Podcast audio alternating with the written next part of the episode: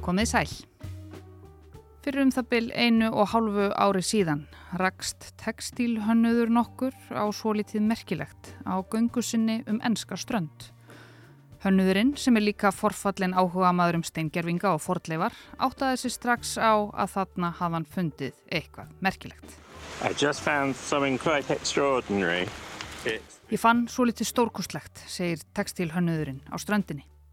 Þetta var endar ekkert bara einhver ennsk strönd, heldur Júra strandlengjan og þetta sem hann fann var hluti af mjög stórri og mjög gamalli hauskúpu.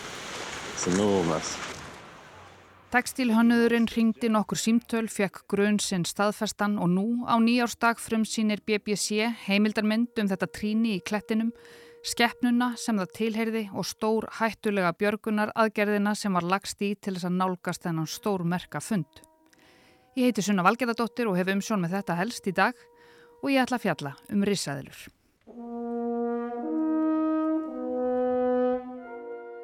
Þórseðla, snareðla, kampeðla, finngál, stuttkempa, horneðla, grameðla.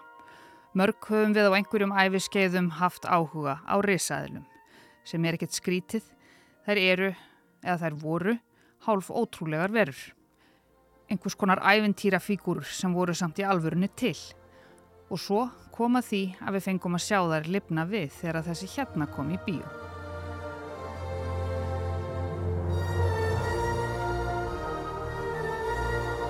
Jurassic Park. Júragarðurinn mætti með látum í kvikmyndahús árið 1993 fyrir 30 árum síðan. Brjálaðislega flott tækni, engu til sparað, dýrin byrtust okkur ljós levandi á kvítatjaldinu úr galdrasmiðju Steven Spielberg. Welcome to Jurassic Park.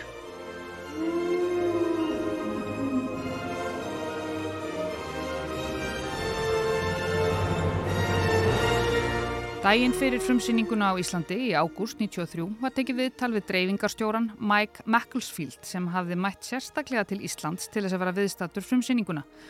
Hann sagði að undirlikjandi áhugi fólks, barna, árið í sæðlum væri meðal annars útskýringin á þessum gífurlegu vinsældu myndarinnar. Og hvað segir Macclesfield um framhaldið? Megum við eiga vona á meira eðlufári?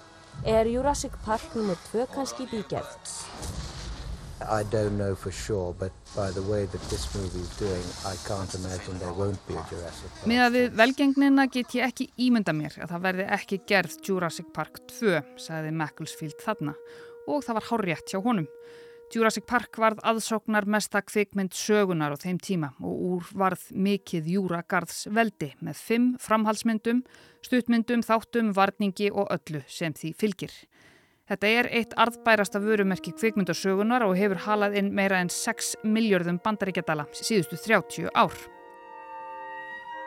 Tónlistin úr kvikmyndinni, samin af tónskaldinu John Williams, er orðið heimsþægt og mikið spiluð, meðal annars hér á Íslandi, en við höfum heyrt hér í þessum þætti Sinfoníu hljómsveit Íslands taka stefið með stæl.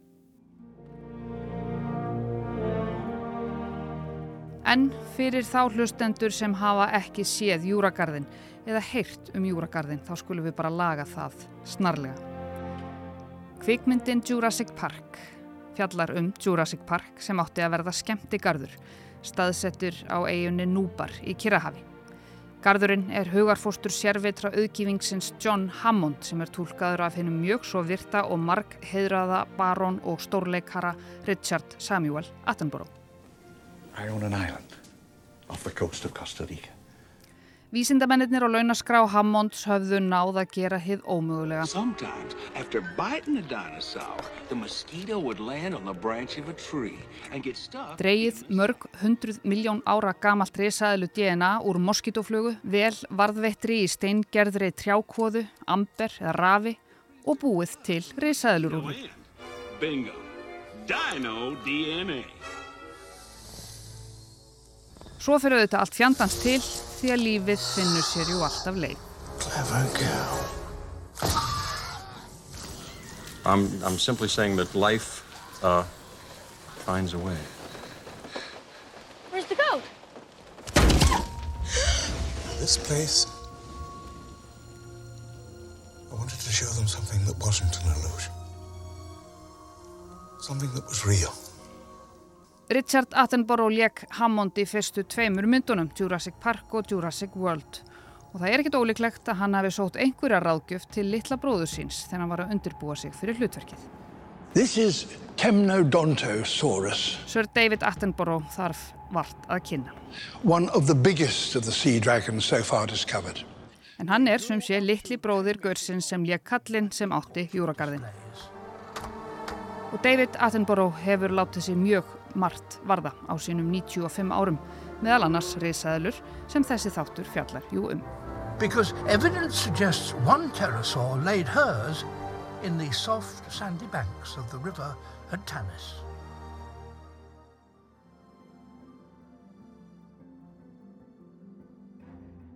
The Jurassic Coast sem á líklega þýða sem Júraströndina liggur rúmlega 150 km með fram sunnanverðu Englandi innan tveggja síslna, Dorset og Devon. Ströndin er á heimsminjaskrá UNESCO, svo eina á Englandi, en það hefur hún að geima alveg ótrúlega magnað landslag, jarðmyndanir frá þremur jarðsögulegum tímabilum sem spanna 185 miljónir ára og síðast en ekki síst er þar að finna mjög mikið af vel varðvittum stengjerfingum. Sumir eru litlir en aðri stórir. Og einn mjög stór fannst þar á dögunum. Grípum nú niður í frétt Guardian síðan 9. desember síðastliðin. Ný heimildamind David Attenborough fjallar um það erfiða verkefni að ná grameðlu hafsins úr klettum í Dorset. Burðarmyndin með fréttinni sínir Attenborough standa við hlið risavaksinar hauskúpu um tveggja metra langri og í verulega góðu standi. Svona miða við að hún er um 65 miljón ára gömul. Hauskúpan er af risastóri svaneðlu, plíósór, sem Attenborough kallar drápsvél, the ultimate killing machine. Það er ekki á hverjum degi sem Rob Verancombe, bondi í Dorset, þarf að finna út hvernig hægt sé að ná risastóri steingerðri veru úr kletti. En það er nákvæmlega það sem hann er búin að vera að gera. Hann hannaði eins konar kassa eða búr utanum risa vaksna hauskúpu þessa forsögulega skriðdís þegar hún var losuð úr steininum. Verkfræðilegt þrekvirki hefur þetta verið kallað og hann á mikið rós skilið.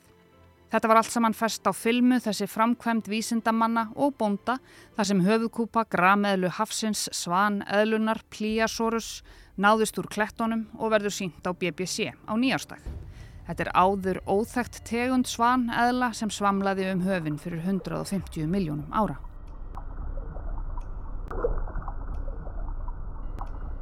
Þessi tiltekna tegund var gífurlega grimm og lang efst í fæðukæðunni. 20 af 130 risa vöxnum tönnumennar eru enn vel varðveittar í hauskúpunni sem er sömulegis öll í heilu lægi. Það vantar ekki eitt bein í hausin. En það var textilhönnuðurinn og fordleifa áhuga maðurinn Philip Jacobs sem kom auga á tríni eðlunar í klettinum vorið 2022. Hafandi leitað stengjervinga á júraströndinni áratugum saman áttaðan sig sem betur fer strax á því að þarna hafði hann fundið eitthvað merkilegt. Stephen Edges pípari og eftirlaunum er önnur persóna í þessari sönnu sögu um júragarðin. Hann hefur eins og textilhönnuðurinn varið mörgum árum á ströndinni í leitað stengjarvingum og hefur endar fundið svo marga að það er búið að byggja risastort sapn utanum þá. En textilhönnuðurinn hafði samband við píparan þegar hann fann tríni svaneðlunar og sagði einfallega Ég er búin að finna svo litið stórkoslegt. I just found something quite extraordinary. It's the jaw of a massive pliosaur. It's enormous. Þeir félagar notuðu dróna til þess að finna út nákvæma staðsetningu, kölluðu út liðsöka sem saman stóða forleifafræðingum, atvinnu klettaklifurfólki og myndatökumanni frá BBC. Oh wow. There you go. It's huge. Unveiling a Jurassic sea monster. Rebecca Morell, reittstjóri vísindafrétta hjá BBC, fekk auðvitað að kíkja á bakvið tjöldin. So teeth, Og hér heyru við í Steve Etches sem er að lýsa eðlunni fyrir Morell. Yeah. Hún tyggur ekkert, gleipir bara bitana sem hún hefur hlutaði sundur með risastórum kjaftinum. Underneath my feet lurks the ultimate marine predator, the pliosaur. David Attenborough segir þetta eitt hættulegasta og afkastamesta rándýr sem uppi hefur verið. En höfukúpan var först í miðjum klettavegnum um 11 metrum frá jörðu og 15 metrum frá bjarg brúninni. Það þurfti að síga, bora, högva og berja á gífurlegum hraða til þess að koma í veg fyrir að fordleifarnar steipist í sjóun og glatist að eilífu. Og munum að þetta er England og það rignir oft og þegar það gerðist þá eruðu klettarnir sem voru eitt sinn leir á hafsbotni og því gravreitur sjávardísins svo hálir að það gæti verið lífshættulegt að reyna að fóta sig á þeim. Sure. Really en Guardian hefur eftir Edges píparanum með safnið. Þetta er mjög spennandi en raunsætt mat er samt að þetta er alls ekki góður staður til þess að ná stengir vengi burt. Klettarnir eru hálir, það molnar úr þeim og þeir brotna auðveldlega. Þetta er gífurlega hættulegt svæði með miklu grjótrunni og hálum brúnum. Við verðum að fara mjög varlega. The team believes the rest of the skeleton is still embedded in the cliffs. Og þó að flest voru sammála um að öll eðlan væri líklega inni í klettinum var fókusin settur á höfukúpuna sem er sá líkamsluti sem segir mest um alla gerð dýrsins. Og eins og áður segir er hún í ótrúlega góðu ástandi og er mögulega best varðvetti og heilasti partur sem hefur fundist af svaneðlu í heiminum. Hún var með eins konar vangi til þess að svífa um höfin, sterkan háls og reysastóran haus og gífurlega sterka kjálka. Hún var svona eins og tveggja hæða strætó, segir Attenborough, setjandi þetta í samhengi fyrir okkur. Eins og allt í ríki náttúrunar hafa náttúrufræðingar flokkað reysaðelur niður til aðgreiningar. Skulum byrja efst. Reysaðelur, fræðiheiti, Dinosauriya.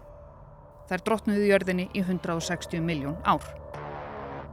Yfirflokkar reysaðela eru svo tveir þær sem flugu og urðu fugglar og þær sem flugu ekki. Svo eru alls konar undirflokkar, við skulum færa okkur niður þá, þar til við komum að flokknum Saurauteregia, sem eru sjávar risaðilur frá tilteknu tímabili, meðal annars Plía Saurusin sem fannst í Dorset. Og þær hafa fengið íslenska heitið Svaneðlur. Skulum flokka meira. Svaneðlur skiptast í tvo hópa, háls langar og háls stuttar. Loch Ness skrimslið, Nessie eða forverar hennar þar að segja, eru hálslangar en svaneðlan í Dorset er háls stutt. Svaneðlur voru með fjögur bæksli og urðu alltaf 15 metra langar. Þær eru taldar hafa fætt lifandi afkvæmi, ekki egg, og eru því líkari kvölum en til dæmis skjaldbökum. Bæksli Dorset svaneðlunar eru eins og hauskúpan um tveggja metra laung sem gerðu það að verkum að hún gætt synd með ógnar hraða og telja vísindamenn að nánast hvaða dýr sem er sem var svo óheppið að verða í vegi hennar gætt ekkert annað gert en að verða matur.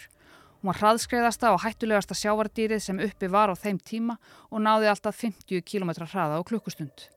Það er svona eins og háhyrningur sem er í tíunda sæti yfir hrað sindustu sjávardýrin. Eðlan í Dorset var með 130 flugbeittar tennur og beitkraft á við grameðlu.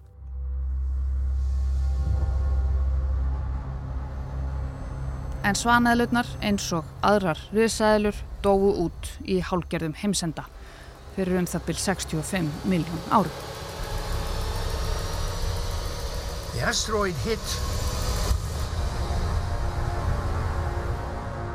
in what is now the Yucatan Peninsula in Mexico.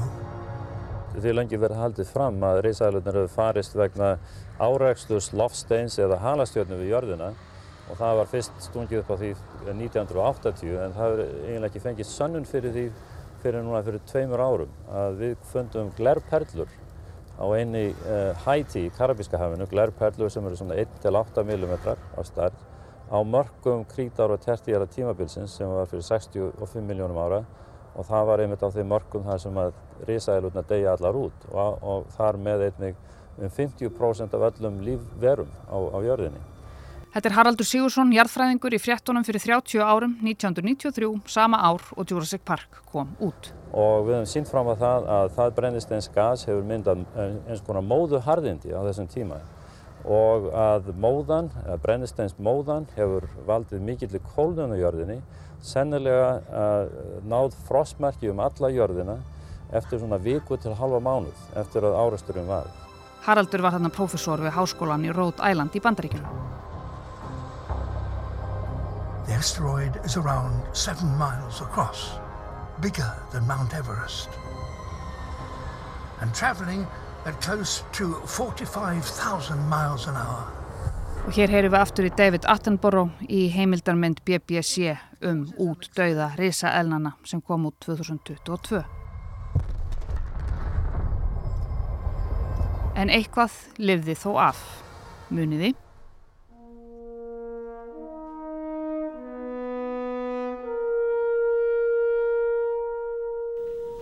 Life uh, finds a way. Því fugglarnir okkar eru bara risaðlur með fjadrir.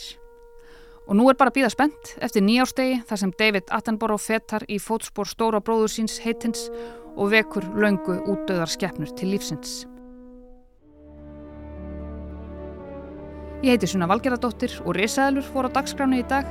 Takk fyrir að leggja við hlustir. Við verðum hér á okkar stað á rás 1 eða í spilurum internetsins á mánudag en leifum Symfóníu hljómsveit Íslands, töfrum kvikmyndana og John Adams að hefja með ykkur helgina.